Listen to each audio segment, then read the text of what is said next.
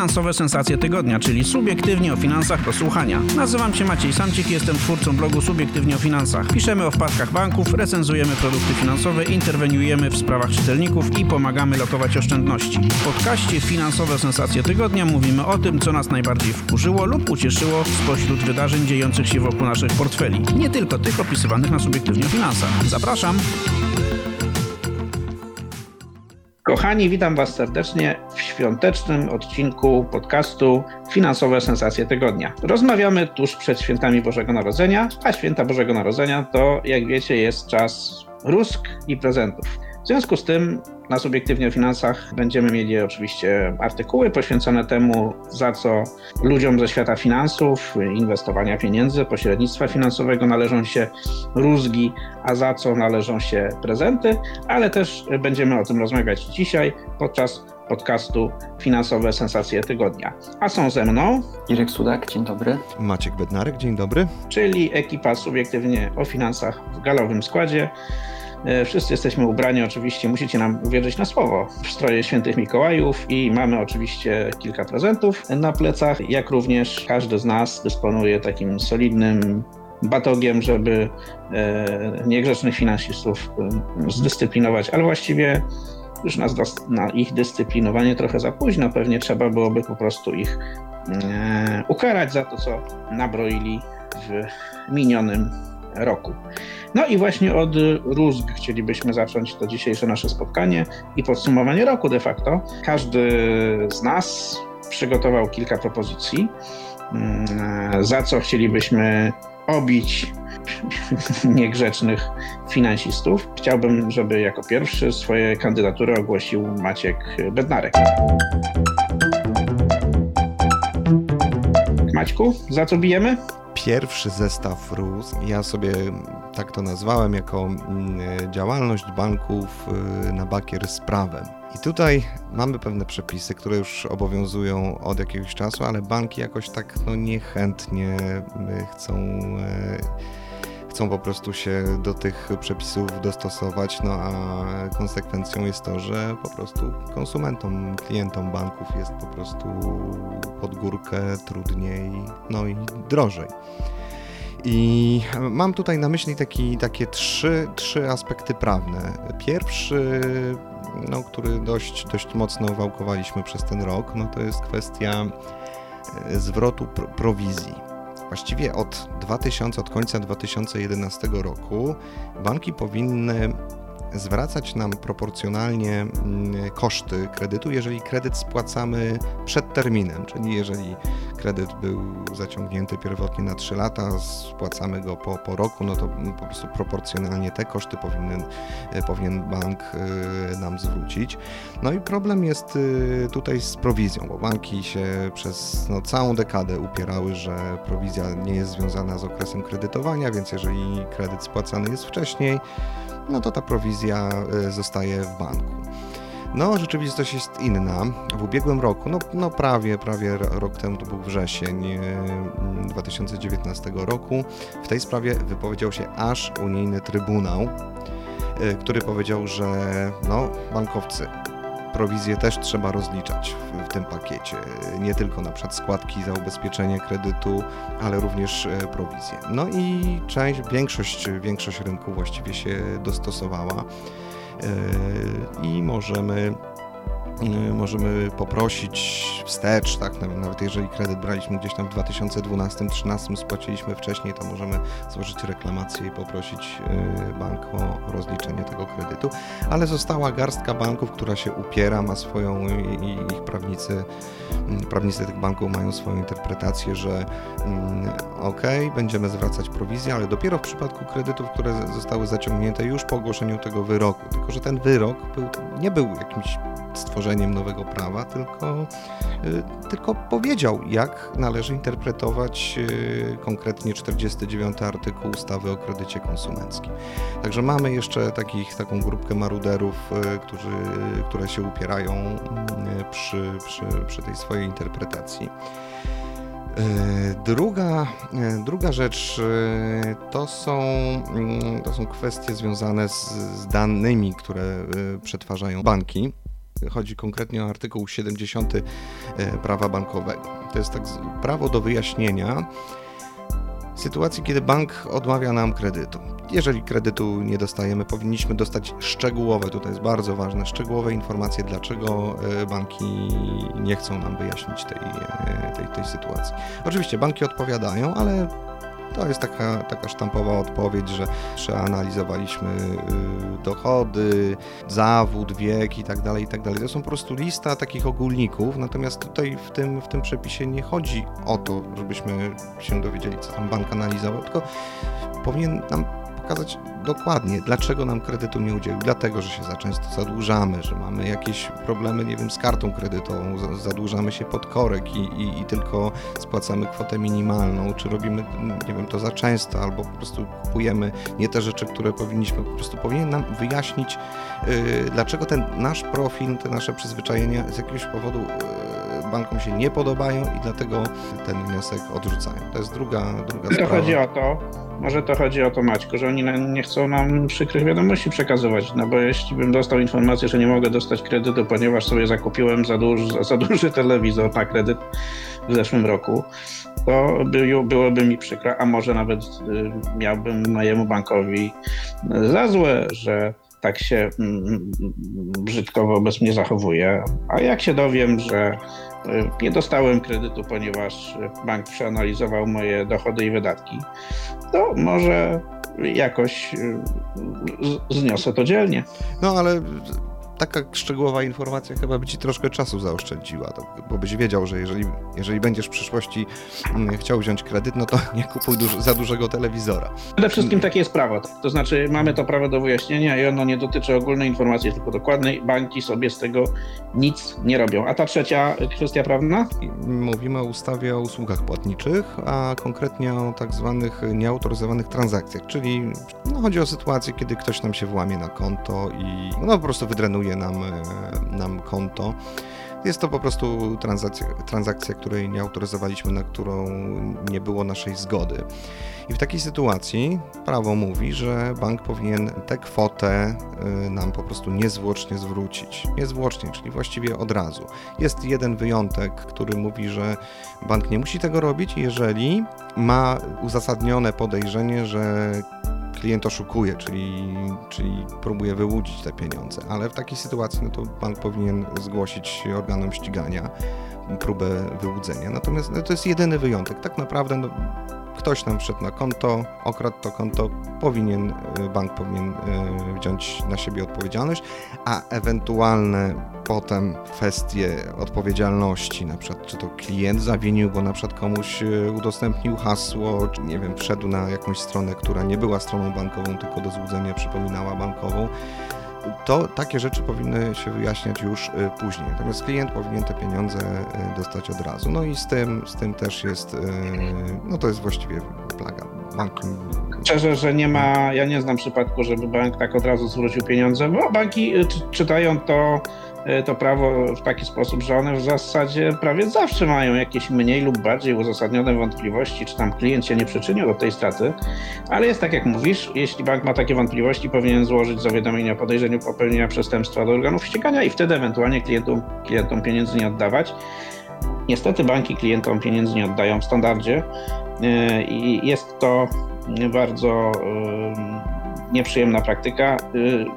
Każda z tych trzech praktyk, o których powiedziałeś, jest bardzo nieprzyjemna, bo to jest takie radykalne yy, niewykonywanie yy, przepisów prawa, tak, niestosowanie się do przepisów prawa. Z jednej strony oni od nas oczekują, że my będziemy zgodnie z, z przepisami wszystkie nasze obowiązki yy, jako kredytobiorcy na przykład wy, wykonywać, a z drugiej strony jak coś idzie nie po ich myśli, to się okazuje, że, że oni inaczej odczytują to prawo i cały świat myśli, myśli inaczej, a, a jest kilka banków, które które czytają prawo na opak i uważają, że cały świat się myli.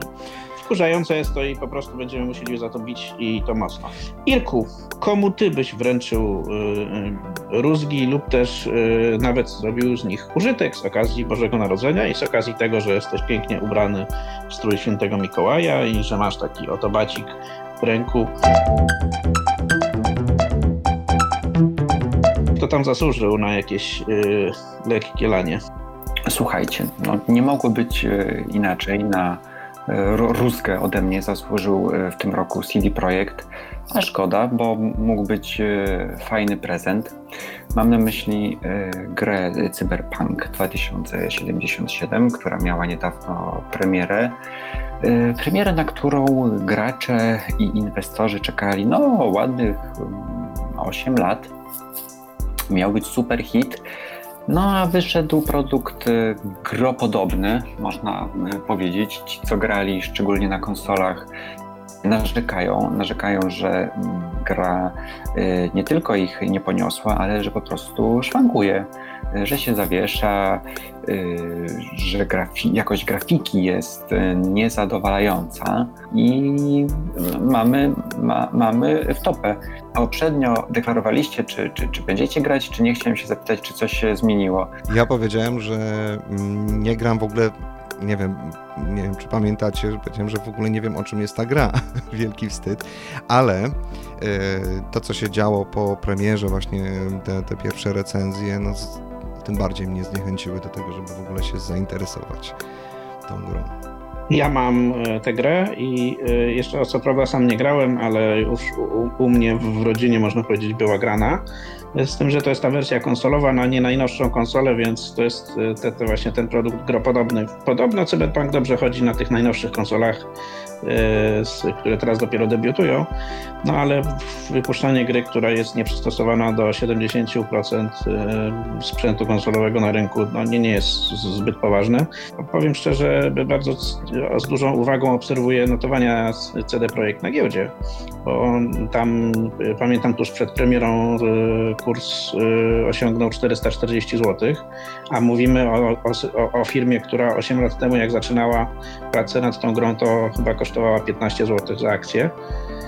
Teraz było 440, no, ale w momencie, kiedy rozmawiamy, jest już tylko 250 i mój znajomy informatyk, zresztą e, no, bardzo doświadczony człowiek, jeśli chodzi o, o, o, o te sprawy, powiedział, że e, żebym mu pomógł założyć konto maklerskie bo on sobie chyba kupi ten CD Projekt, jak jeszcze trochę spadnie.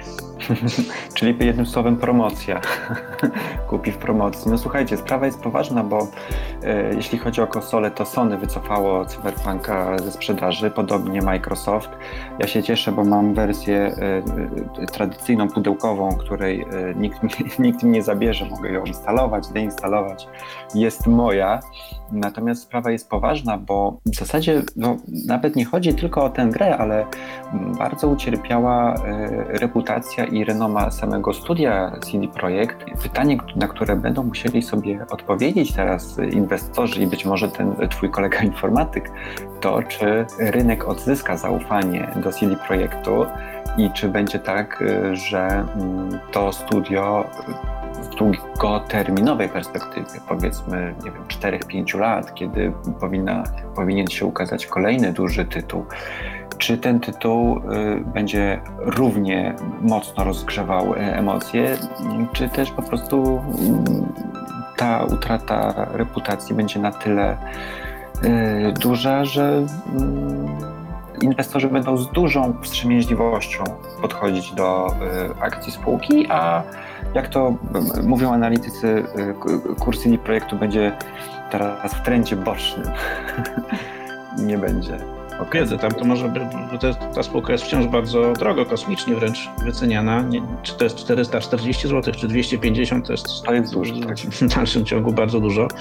E, to ja mam trochę bardziej u, ogólną uwagę. Jestem ciekaw, co to się, e, jak, jak ta um, sytuacja wpłynie na cały rynek gamingowy w Polsce, na całą tę branżę, która była koszmarnie napompowana. Właściwie um, wszystkie studia, które są notowane na giełdzie, co, codziennie puszczały komunikaty na temat szykowanych gier i, kursy rosły bardzo szybko. No i teraz się okazuje, że to, nie, że to jest jednak trochę ryzykowna działalność, że jednak jest bardzo sezonowa, że jednak jest uzależniona od e, kaprysów tych, którzy grę kupują i że jednak łatwo to jest popełnić błąd. Więc myślę, że, że jeśli z tego całego, z tej całej katastrofy mm, wyniknie jakiś pozytyw, to taki, że ci, którzy inwestują w e, produkcję gier w Polsce, też sobie zdają sprawę, że to jest, że to nie jest maszyna maszynka do robienia pieniędzy. Komu drugą rózgę, Może tutaj nie będzie zaskoczenia, ale minister aktywów państwowych Jacek Sasin e, zdecydowanie na nią Czy za coś zasłużył. Innego? Chociaż może, może to, z czym ta rózga jest związana, może w długim terminie wyjdzie nam to na dobre. Chodzi oczywiście o ceny prądu, który to drożeje. Energia elektryczna w Polsce jest coraz droższa. O ile jeszcze dwa lata temu za każdą kilowatogodzinę płaciliśmy powiedzmy 50-60 groszy, to teraz ta średnia cena od stycznia będzie już przekraczać 70 groszy i ciągle rośnie. I można powiedzieć, że to było do przewidzenia, no bo drożeją prawa do emisji CO2, polska energetyka uzależniona jest od węgla, węgiel, ponieważ dotujemy kopalnie, jest coraz droższy. No to, to wszystko wiemy. Ale w ubiegłym roku y, minister Jacek Sasin y, zadeklarował, że w związku z tymi podwyżkami rząd y, weźmie w obronę wszystkich odbiorców energii elektrycznej w Polsce i wypłaci im coś, co miało się nazywać rekompensatami. Tutaj krótka lekcja y, z historii. Dwa lata temu rząd y, zamroził ceny prądu, mm, czyli y, firmy, można powiedzieć, sobie te, te ceny poszły inaczej. Ceny nie poszły w górę, bo rząd je ustawowo zamroził. Była to sytuacja bezprecedensowa yy, i która już się nie powtórzyła. No ale ceny jednak wzrosły i w związku z tym coś trzeba było z tym fantem zrobić. Pomysł padł na rekompensaty i jak można powiedzieć, no wszystko fajnie, pięknie, ale kiedy przyszło do realizowania tej obietnicy, no to okazuje się, że rząd zaczął się wycofywać e, z niej rakiem. Jak sobie sprawdziłem, koszt tych e, rekompensat wyniósłby w skali kraju 3 miliardy złotych. To jest dużo i niedużo. No, jak, jak, jak wiemy, w pandemii e, rząd z pomocą PFR-u i Banku Gospodarstwa Krajowego uruchomił różnorakie fundusze ratunkowe, i dla branż, i, i celowe, na przykład bon turystyczny jest finansowany z takiego funduszu i można by powiedzieć, że miliard w, tę, w drugą stronę to już przy tej skali e, wydatków to nie jest dużo, no ale to jednak to, to, to jest dużo. Tutaj nie ma co się e, oszukiwać. I tak się zastanawiam, że to chyba jest akurat dobra wiadomość, że akurat tej E, obietnicy nie uda się e, zrealizować, bo byłaby przede wszystkim no, szkodliwa z dwóch powodów. Po pierwsze, rekompensaty miałyby być powszechne, czyli dostałby je powiedzmy i jakiś e, miliarder z pierwszej dziesiątki listy Forbesa, jak i osoby zupełnie niezamożne. E, a po drugie jest to po prostu psucie rynku i przyzwyczajanie e, konsumentów e, do, do pewnych anomalii rynkowych, które no, nie powinny mieć miejsca. Wydaje mi się, Irku, że to jest tak, że może ten pomysł nawet i by przeszedł, gdyby się nie okazało, że to jest trudniej urzeźbić niż, niż na pierwszy rzut oka się wydaje. Y, no bo y, co zrobić na przykład z ludźmi, którzy wynajmują mieszkanie? Czy powinien rekompensatę otrzymać właściciel, czy ten, kto wynajmuje? Czasami są, są sytuacje, w których y, jeden jest zameldowany, a drugi mieszka których, no, przeróżne są sytuacje, które trochę to, to, to utrudniają i, i, wydaje mi się, że tutaj był pies pogrzebany. Irek, masz jeszcze, jeszcze, jeszcze jakąś yy, rózgę, czy może, mogę przejść do moich? Zostawiam rózgi już tobie. Dobrze, to ja y, krótko i na temat. Mojego punktu widzenia dość nieudanym y, projektem tego roku, za który jednak kilka batów się bankowcom dodatkowo należy, to są wakacje kredytowe, czyli te, te, ta słynna pomoc dla y, ludzi, którzy E, tracą pracę wskutek pandemii albo spadają i dochody. Jak wiecie, banki przez kilka miesięcy pozwalały nie płacić e, ludziom rat kredytowych. E, natomiast no, dość szybko się okazało, że coś, co miało być pomocą, tak naprawdę było zwykłym komercyjnym produktem pod tytułem prolongata spłaty rat kredytowych, za który to produkt banki pobierały no, normalne oprocentowanie. W związku z czym trudno tutaj mówić w ogóle o pomocy. Wakacje kredytowe w wersji, którą bankowcy zaproponowali, trzeba przyznać obiektywnie, że zaproponowali szybko. Była to najszybciej mm, wdrożony, najszybszy, najszybciej wdrożony element jakiejkolwiek pomocy kierowanej do konsumentów, szybszy niż e, różne rzeczy związane z tarczami antykryzysowymi, tarczami finansowymi, ale żeby to było jakieś, e, żeby to spełniło oczekiwania ludzi, to nie można powiedzieć. I myślę, że to nie, nie, był, nie, nie był udany mm, e, pomysł. Druga rzecz, to jest rzecz bardzo świeża. Moja druga rózga i, i idzie do E, promotorów pracowniczych planów kapitałowych, czyli tego nowego programu oszczędzania, który, który miał nam zapewnić dodatkową emeryturę, czy przynajmniej część dodatkowej emerytury. Czyli yy, mówimy tutaj o, o możliwości oszczędzania 2% wynagrodzenia, odkładania 2% wynagrodzenia z pensji, przy czym kolejne 1,5% odkłada dla nas pracodawca i jeszcze z kasy państwa parę złotych do tego worka powinno popłynąć. Program i był szczytny. Fundusze inwestycyjne, do których te pieniądze mm, lecą, mają kilka fajnych cech. Mają bardzo niskie opłaty, mają profil dostosowany do wieku oszczędzających ludzi i w zasadzie jest to koncept, na którym właściwie bardzo trudno stracić. Chyba nie można stracić zawsze się wyjmie więcej niż się włożyło. A mimo to okazuje się, że spośród tam 7 milionów ludzi, którzy mogli w tym projekcie uczestniczyć, do tej pory zapisali, czy nie wypisało się półtora miliona. Te półtora miliona, czy tam milion sześćset, może nie mo można było mówić, że byłoby mówić, że jest to pewien sukces, ale y, y, pod warunkiem, że y, no, projekt byłby nieobowiązkowy. Natomiast tu mówimy o sytuacji, w której 7 milionów ludzi zostało zapisanych do tego PPK, z czego prawie 5,5 miliona się wypisało, czyli trzeba było tak bardzo nie lubić tego oszczędzania, żeby po prostu iść do swojego e, działu kadr i się tam fizycznie wypisać lub też kliknąć coś w aplikacji, żeby, że już nie chcemy oszczędzać w tym e, PPK. Moim zdaniem bardzo du, du, duża szansa na to, żeby nas nauczyć oszczędzać, szansa chyba jednak niewykorzystana, być może w przyszłości będzie lepiej, bo ten program przecież się nie kończy.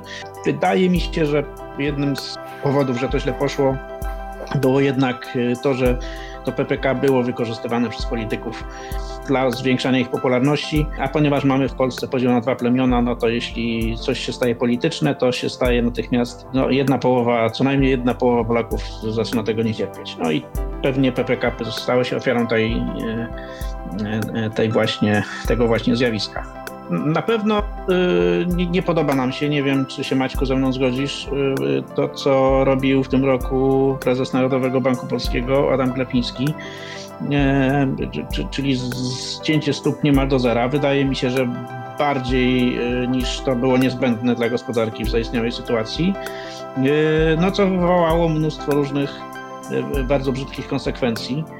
E, z których najważniejszą jest to, że po pierwsze banki przestały nam płacić za depozyty, a po drugie nastąpiły bardzo duże podwyżki e, prowizji. No a trzecia rzecz, że w tym wszystkim jeszcze mamy wysoką inflację.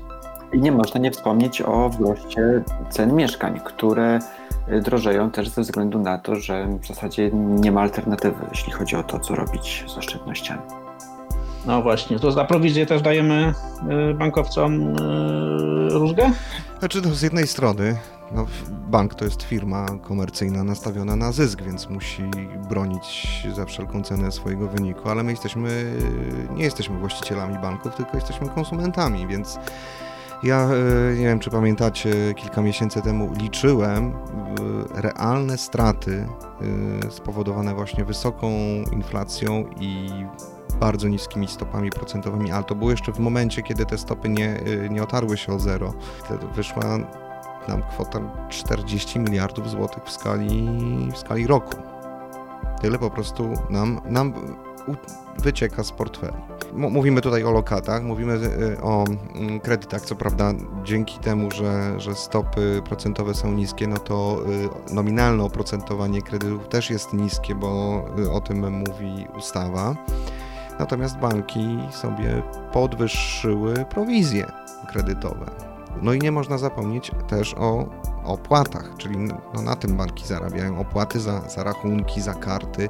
Ja właściwie skłaniam się do, takiej, do takiego stwierdzenia, że ten rok był no, końcem właściwie czegoś takiego jak darmowe w ogóle rachunki. Mam, mam za złe bankom, bo, bo przez lata nas naprawdę do tego przyzwyczajały. Mówiły nam, że to mamy za darmo, konto jest prowadzone za darmo, kartę masz za darmo. No ale czasy się zmieniły i tak malutkimi krokami zaczęły nam tę darmowość e, odbierać, pod, no, podkręcając, przykręcając śrubę, czyli kiedyś, kiedyś mieliśmy kartę na przykład za darmo, nic nie musieliśmy zrobić, potem trzeba było y, tą kartą robić jakąś normę. Myślę o tym, żeby, że, trzeba inaczej w ogóle już pisać o ofertach y, banków, inaczej trzeba tworzyć rankingi. Zauważcie, że dzisiaj jest tak. Konto ile kosztuje? 0 zł, tak? I jest gwiazdeczka. Yy, jeżeli wykonasz, powiedzmy, jeżeli wydasz kartą 300 zł. Trzeba pisać to już inaczej. No to jest tak, że y, z punktu widzenia banku karta jest takim podstawowym produktem, no, najłatwiej schować tam jakieś prowizje, ale rzeczywiście powinno być już dzisiaj tak, że właściwie w rankingach i chyba będziemy tak robić w tych naszych rankingach, które od czasu do czasu wypuszczamy, y, że będziemy pokazywać, ile wynosi standardowa prowizja, czyli będziemy zakładać, że jednak e, taki e, klient typowy tej prowizji nie będzie w stanie uniknąć.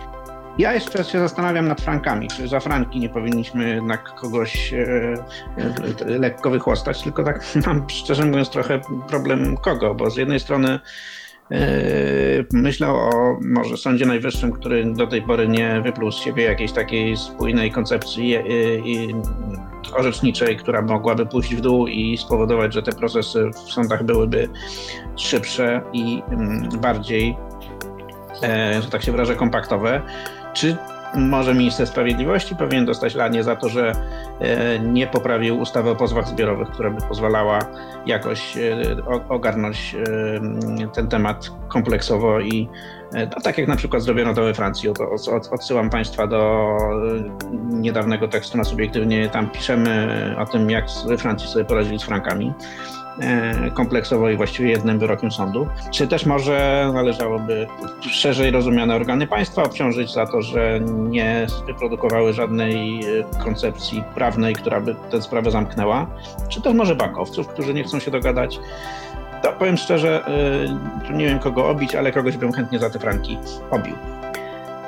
Kochani, porozmawiajmy o czymś jednak trochę przyjemniejszym, bo już od tego bicia nam trochę no, nadgarstki yy, mogą się uszkodzić. Yy, spróbujmy rozdać kilka prezentów, no bo to nie jest tak, że, że, że rok się składał z samych porażek, samych fakapów i samych nieprzyjemnych rzeczy. Jednak w branży finansowej i okolicach mieliśmy kilka fajnych wydarzeń, które, czy fajnych trendów, które pewnie można byłoby nagrodzić jakimiś prezentami. Maciek, jak przychodzi Ci do głowy coś, za co mógłbyś w tym roku pochwalić branżę finansową? Jeżeli miałbym za coś pochwalić, y, to tak bardzo ogólnie rynek bankowy, za to, że mm, w czasie pandemii potrafił się bardzo szybko dostosować do tego naszego życia zdalnego. Czyli mamy, mam na myśli tutaj różnego rodzaju procedury, które trzeba było mm, załatwiać w oddziale. Trzeba było przyjść, zweryfikować, pokazać dowód osobisty. No, no bo, bo się po prostu nie da, bo się po prostu nie da. Natomiast y, no, pandemia y, pokazała, że, że jednak się da i, i banki w bardzo ekspresowym tempie, co, co też eksperci współpracujący czy, czy świadczący usługi, podwykonawcy banków potwierdzają, że po prostu no, no, to, to, była, to, to była błyskawica. Zawsze się zastanawiam, dlaczego jeżeli zmieniam jakieś dane, dane adresowe, muszę iść do oddziału, muszę, muszę te dane poprawić w, taki sposób. Dlaczego nie mogę zrobić tego przez internet. No i banki to zmieniły, no i w czasie pandemii te zmiany mm, tego typu można już dokonać online. Innym takim przykładem mm, było mm, podwyższenie tego limitu płatności bezpinowych w sklepach, bo ten, przypomnę, do jeszcze niedawno ten limit wynosił 50 zł, to w ogóle w przeliczeniu na tle Europy, no to była jakaś śmieszna kwota i właściwie obowiązywała od początku funkcjonowania tych płatności bezstykowych bez pinu, ona była no, troszkę oderwana od rzeczywistości i zapowiedź tych, y, tego podwyższenia, no to nie wiem, to już dwa lata temu, może, może nawet wcześniej już zapowiadano, że, że coś takiego było? I nic, i nic, i nic. I ciągle, czy to organizacje płatnicze y, y, przesuwały ten termin wejścia w życie tego wyższego limitu, no i przyszła pandemia, okazuje się, że nagle udało się to zrobić naprawdę bardzo szybko. Maćku, o tych pandemicznych zmianach, które nas pchają trochę w świat bezgotówkowy, świat kartowy, świat łatwiejszych płatności to ja muszę powiedzieć, że tak trochę na drugą nóżkę spodobało mi się niedawne wystąpienie e, i generalnie kilka wystąpień prezesa NBP Adama Glapińskiego e, w, w obronie gotówki, bo to jednak nie jest tak, że musimy za wszelką cenę być e, wyłącznie cashless. Są wśród nas miliony ludzi, którzy są takimi klientami hybrydowymi, trochę używamy karty, trochę używamy gotówki. Jest to 10-15% ludzi, którzy w ogóle nie mają konta bankowego, jest 10-15% ludzi, którzy używają wyłącznie gotówki i w sumie to dobrze, że prezes NBP się trochę wstawił za, za, za tą częścią społeczeństwa, żeby ona tak trochę nie, nie, no nie została wy, wypchnięta z tego pociągu do nowoczesności. To, to myślę, że ma, mały plus dla prezesa NBP. Zgadzam się z Tobą, oczywiście, bo, y, bo tutaj no niestety będę musiał wrócić jeszcze do poprzedniej części, czyli do Rusk.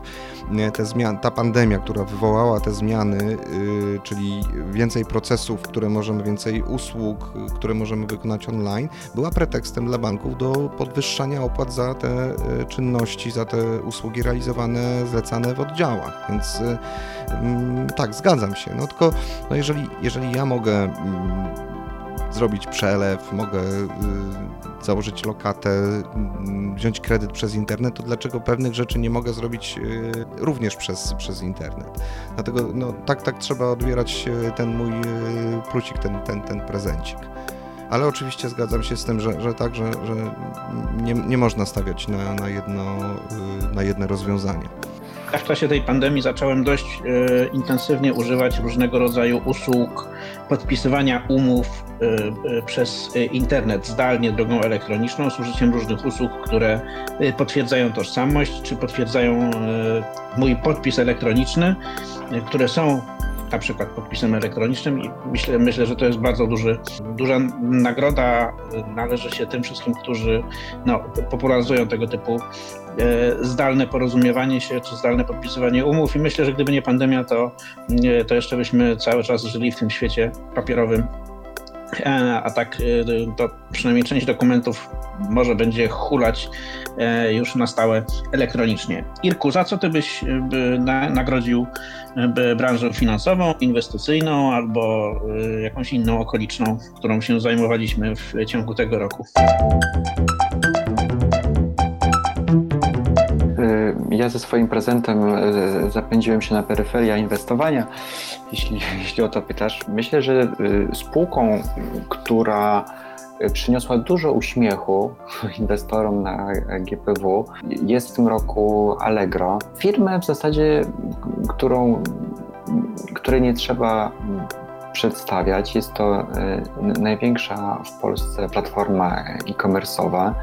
Platforma, która, y, dodajmy, ma już 21 lat, czyli mm, to jest spółka, y, która kiedy ogłosiła zamiar y, wejścia na giełdę, kiedy opisywaliśmy prospekt, ja zastanawiałem się, czy, czy to nie jest przypadkiem aby za późno. Sama firma jest już, można powiedzieć, o ustabilizowanych przychodach, renomie, można się było zastanawiać, czy taki gigant ma jeszcze pole do wzrostu, a w związku z tym pole do umacniania się kursu akcji, które dodajmy już przy sprzedaży w ofercie publicznej były wyceniane dosyć drogo, bo po 43 zł. Okazało się, że tak, że w pandemii, kiedy y, kupujemy w internecie coraz więcej, coraz bardziej różnorodnych produktów, przychody Allegro, a w zasadzie wartość sprzedanych produktów na tej platformie wzrosła o połowę z powodu, głównie z powodu pandemii, e, kurs akcji e, w oparciu o te silniki no, wy, wystrzelił. Tym momencie jest to około 70-80 zł. Cała spółka wyceniana jest na 83 miliardy złotych. Jest to coś, co z jednej strony przywróciło w tym trudnym roku uśmiech na twarzy wielu e, inwestorów, a z drugiej strony przypomniało o rynku kapitałowym jako o miejscu, gdzie można szukać dywersyfikacji i jeżeli ktoś ma chociaż trochę wolnych y, środków, które mm, może zaryzykować i nie chce ich trzymać na de facto ujemnym depozycie z powodu wysokiej inflacji, a z drugiej strony może ma za mało e, gotówki, żeby iść i kupić sobie mieszkanie, to taka spółka jak Allegro okazała się być e, inwestycyjnym e, hitem. Pytanie, czy tak będzie jeszcze w kolejnym roku, jest otwarte. Amazon szczerzy zęby, prawdopodobnie jednak zaoferuje swoje usługi, swoje wysyłki i strony w języku polskim e, tutaj e, nad Wisłą, to może być coś, co będzie rzutować negatywnie na kursy Allegro, podobnie jak jakieś większe lub mniejsze spory ze sprzedawcami. Jak wiemy, Allegro od nowego roku znowu e, podwyższa część prowizji. Sklepy w zasadzie nie mają wyjścia, bo konkurenta na którym można by w tej skali oferować swoje produkty, nie ma. E, no ale niemniej jednak e, jest to firma e, w centrum uwagi i która no, naprawdę dała zarobić solidne kilkadziesiąt procent. Tak, tych osób, które y, na tym skorzystały, nie było tak znowu wiele, bo w tej ofercie y, wzięło udział, y, nie wiem, wzięło udział dużo ludzi. To Około było 40 tysięcy staje się z tego. No dokładnie, tak. Znaczy to jest, powiedzmy sobie szczerze, największa zaleta debiuta Allegro to rzeczywiście jest to, o czym powiedziałeś, zwrócenie uwagi na rynek kapitałowy jako na coś, co jeszcze nie umarło i na coś, na czym można zarobić pieniądze i, i na miejsce, gdzie są, gdzie można być akcjonariuszem spółek naprawdę kultowych, bo przecież Allegro jest taką spółką, która już dzisiaj jest kultowa. Tak, to chociaż... wyznacznik jakości w internecie. Chociaż Muszę, muszę ci powiedzieć, jak powiedziałeś, że, to, że tam nie ma alternatywy dla Allegro. Powiem szczerze, że rozmawiam ostatnio z przedsiębiorcami, i, którzy prowadzą sklepy internetowe E, i oni coraz częściej się z tego Allegro wypisują, e, wynajmują informatyków, tworzą własne sklepy poza platformą Allegro, po to właśnie, żeby nie płacić tych coraz wyższych mhm. prowizji, więc to tutaj będą też zmiany. E, a propos zwrócenia uwagi jeszcze na polski rynek, niedawno pojawiła się informacja, że InPost, czyli największa sieć paczkomatów w Polsce, również przymierza się y, do debiutu, a tylko że no, amerykański właściciel fundusz y, inwestycyjny Advent y, bardziej kieruje swoje myśli w stronę Amsterdamu niż Warszawy. Także być może dla inwestorów, którzy chcieliby kupować Inpost, będzie to okazja, żeby zapoznać się z kosztami transakcji na rynkach zagranicznych.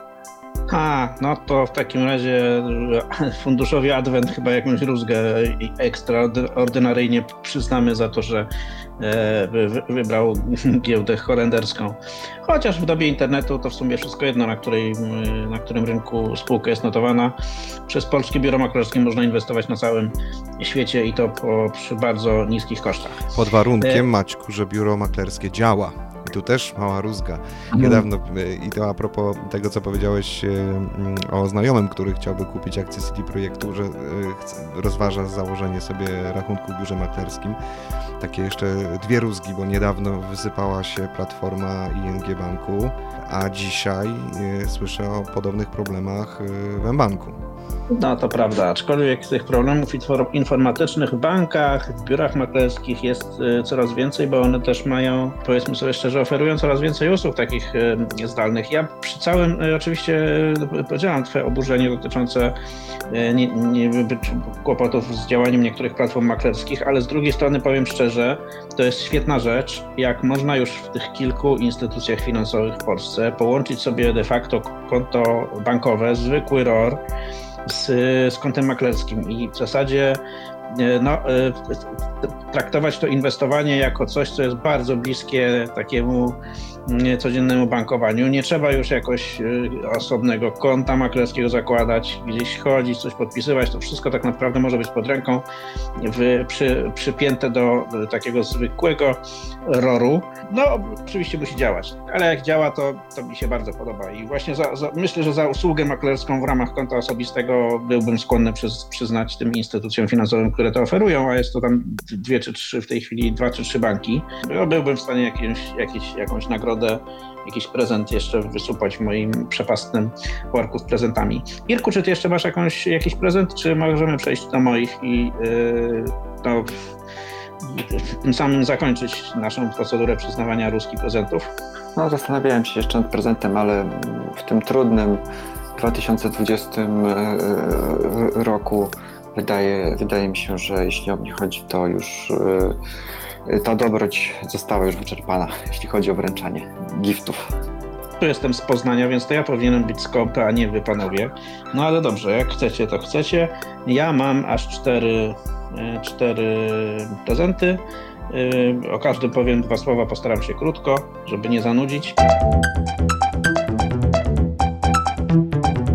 Pierwszy prezent jest za bardzo fajną usługę i bardzo ładnie rozpowszechniającą się wśród banków i y, aplikacji mobilnych. Y, płacenia za autostradę, za przejazd autostradą, płacenia bez płacenia, czyli za pomocą takiego mobilnego systemu, który opiera się na tym, że przy, przy, podjeżdżamy do bramki, bramka czyta nasz numer y, rejestracyjny naszego samochodu, system łączy się z aplikacją, którą mam w, w smartfonie i i ściąga nam pieniądze bezpośrednio z tej aplikacji, czy właściwie z karty podpiętej pod tę aplikację. To jest coś, co jeszcze dwa lata temu, dwa, trzy lata temu było absolutną nowinką i czymś takim kompletnie nieznanym.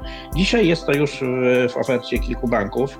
E, jest kilka aplikacji pozabankowych, które, tego, które na to pozwalają i naprawdę robi się tak e, powoli, że już myślę 10, 15, a może i 20% kierowców w ten sposób właśnie pokonuje płatne autostrady właściwie bez, e, bez konieczności posiadania karty płatniczej, gotówki, bez, bez płacenia w ogóle, tak? Takiego klasycznego po prostu podjeżdżamy, szlaban się otwiera i jedziemy dalej. Maćku, prezent? Tak? No to od razu taki szybki bacik. No niestety ta usługa leży, jeśli chodzi o, mm, o taką powszechność, czyli y, płacić można tylko na wybranych y, odcinkach, no bo tymi autostradami zarządzają różne, y, różne instytucje i nie są w stanie jeszcze się jakoś zintegrować, tak? Czyli możemy no, na niektórych odcinkach jesteśmy skazani dalej na, na, gotówkę albo kartę, a tylko na niektórych sobie przejedziemy, tak jak mówisz, wygodnie, bez, bez wyciągania czegokolwiek. Tak, to tak jak w Polsce. Każdy sobie rzepkę skrobie, tak? Jest sobie jeden odcinek autostrady i jego właściciel nie jest w stanie się dogadać z drugim właścicielem autostrady obok czy tej y, sąsiedniej, żeby, żeby ludziom było łatwiej. Tak, to prawda, rzeczywiście za to się należy szybki bacik. Druga, druga moja y, nagroda, drugi mój prezent jest dla E, usługi, która w przyszłości moim zdaniem będzie zbierała baty, ale dzisiaj jako nowość e, myślę, że jest fajna i do przetestowania, mianowicie Buy Now, Pay Later w internecie. To znaczy coraz więcej aplikacji, coraz więcej e, platform internetowych oferuje taką usługę, która polega na tym, że jak sobie wybierzesz to, co chcesz kupić w internecie, klikasz, klikasz kup i kupiłeś i biegnie to do ciebie. I już następnego dnia jest y, przywiezione przez kuriera do twojego domu, a płacisz, płacisz kiedyś tam później za miesiąc. Dostawca takiej usługi Buy Now, Pay Later za kilka tygodni prześle ci e-mailem informację dotyczącą tego, że czas już za ten dokonany kilka tygodni wcześniej zakup mm, zapłacić.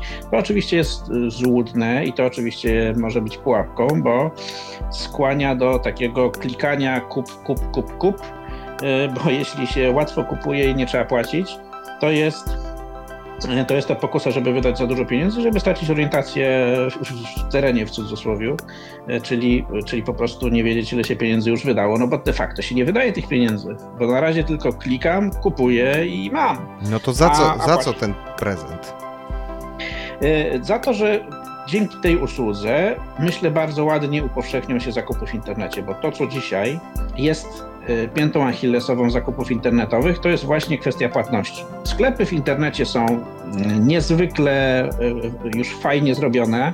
Łatwo się między tymi wirtualnymi półkami przechodzi, łatwo się wybiera, łatwo się buduje koszyk. Naprawdę dużo czasu można zaoszczędzić dzięki temu, że kupujemy w internecie. Łatwo się porównuje ceny przede wszystkim między różnymi sklepami. Ale to, czego te sklepy, to co zawsze było mm, piętą achillesową, to co było przewagą sklepów realnych, to jest kwestia płatności, bo w sklepie realnym podchodzę do kasy, najczęściej kasy automatycznej i sobie w tej kasie po prostu zbliżam kartę e, do niej, czasami nawet pinu nie, nie wbijam i, i zapłacony. A w internecie to zawsze było ramka płatnicza i mnóstwo tych sposobów płacenia i tu trzeba było podać dane karty, a tam trzeba było podać jakieś kody. No, dzisiaj branża e-commerce to doprowadza do takiej sytuacji, że zakupy w internecie potrafią być w sferze płatności tak samo łatwe, tak samo przyjemne, tak samo ergonomiczne jak zakupy w sklepie fizycznym. Oczywiście są pułapki i oczywiście o tych pułapkach będziemy pisać i są już nawet postulaty, żeby uregulować prawnie tę usługę, Słyszałem o takich postulatach w Wielkiej Brytanii, gdzie to bardzo popularny system jest w tej chwili. Więc myślę, że, że w przyszłym roku będziemy za to przyznawać baty. Natomiast dzisiaj za to y, rolę tego, tej usługi w upowszechnianiu zakupów w internecie należy się jej jakiś, y, jakaś nagroda, jakiś y, prezent.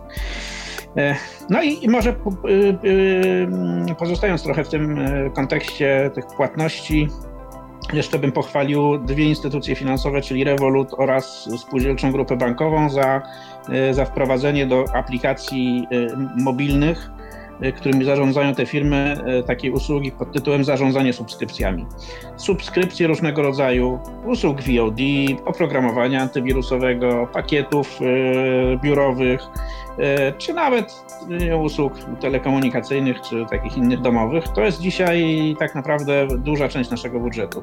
My te subskrypcje wykupujemy, potem zapominamy, że je mamy, pieniądze są ściągane z kart automatycznie e, i potem tylko dostajemy za miesiąc albo za dwa miesiące łączny rachunek do zapłacenia, który jest dużo wyższy niż, niż do tej pory. I się okazuje, że jakby zarządzanie tymi subskrypcjami zaczyna być coraz większą coraz większym problemem. Ja powiem szczerze, kiedyś sobie podliczyłem, ile mam subskrypcji, jak mi wyszło, że mam kilkanaście i że nie jestem w stanie już ogarnąć, bo jest, każda z nich schodzi właściwie z innej karty płatniczej, to mnie szlak trafił i zacząłem próbować nad tym panować. To nie jest łatwe, powiem Wam.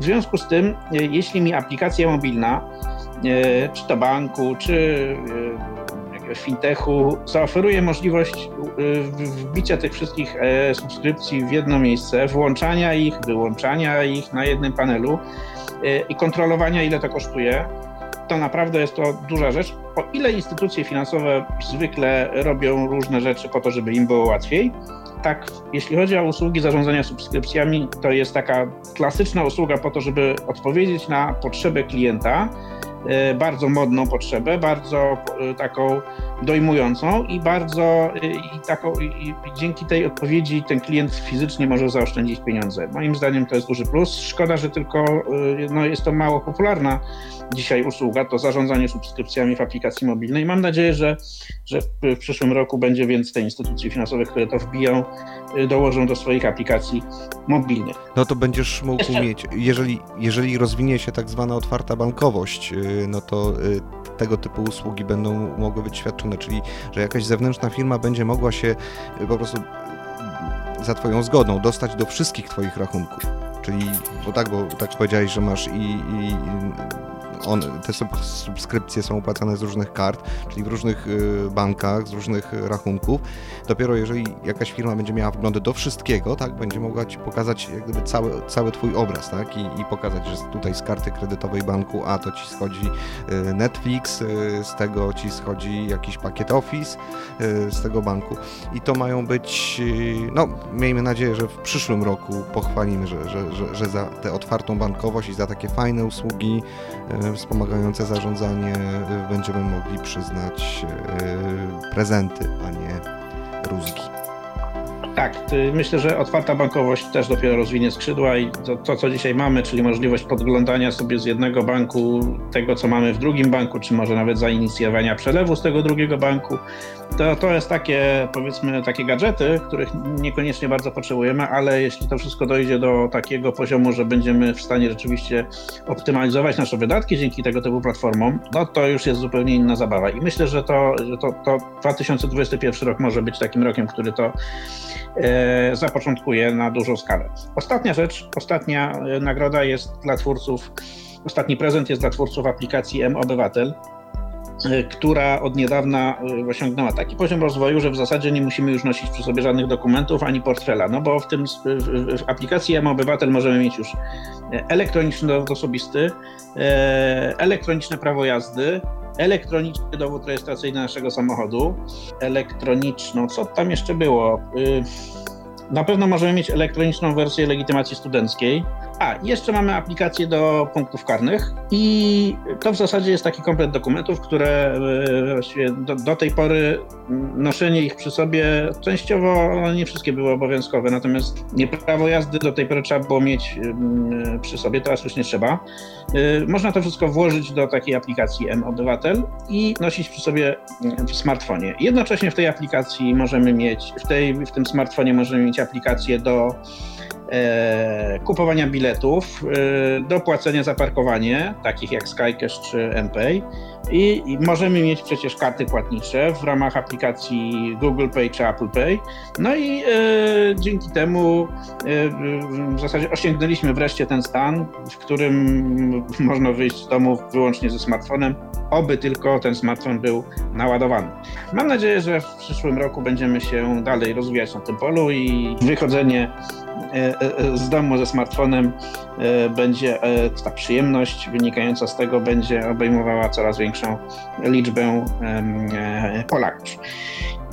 To jest moim skromnym zdaniem dość pokaźny pecik rusk i prezentów, który, które przygotowaliśmy na dziś z okazji Bożego Narodzenia, z okazji Wigilii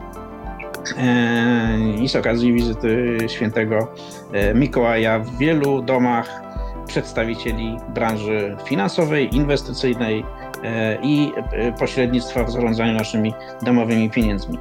W imieniu całego teamu Subiektywnie o Finansach chciałbym życzyć wszystkim, którzy nas słuchają, udanych świąt, tym, którzy lubią mieć spokojne, żeby mieli spokojne, E, i refleksyjne, tym, którzy lubią mieć wesołe, żeby mieli wesołe. Po prostu miejcie te święta takie, jakie byście e, chcieli. No, z tym drobnym zastrzeżeniem, że mamy pandemię i przede wszystkim niech te święta będą bezpieczne. Wyciśnijmy z nich tyle radości lub tyle spokoju, ile się da, ale przede wszystkim w taki sposób, żeby to było bezpieczne. A życzę Wam tego e, z całego serca wszyscy członkowie ekipy Subiektywnie o Finansach. E, a konkretnie Ireneusz Sudak, Maciej Bednarek i Maciek Samcik oraz e, nasi współpracownicy, którzy, których e, też macie okazję tutaj czasami czytać, czyli Monika Madej, Michał Wachowski oraz Robert Sierant. W imieniu naszej całej ekipy udanych świąt i do usłyszenia w kolejnym odcinku finansowych sensacji tygodnia już po świętach ale jeszcze w tym roku najprawdopodobniej. Inne odcinki tego podcastu znajdziesz na stronie Subiektywnie o Finansach www.subiektywnieofinansach.pl. Zapraszam!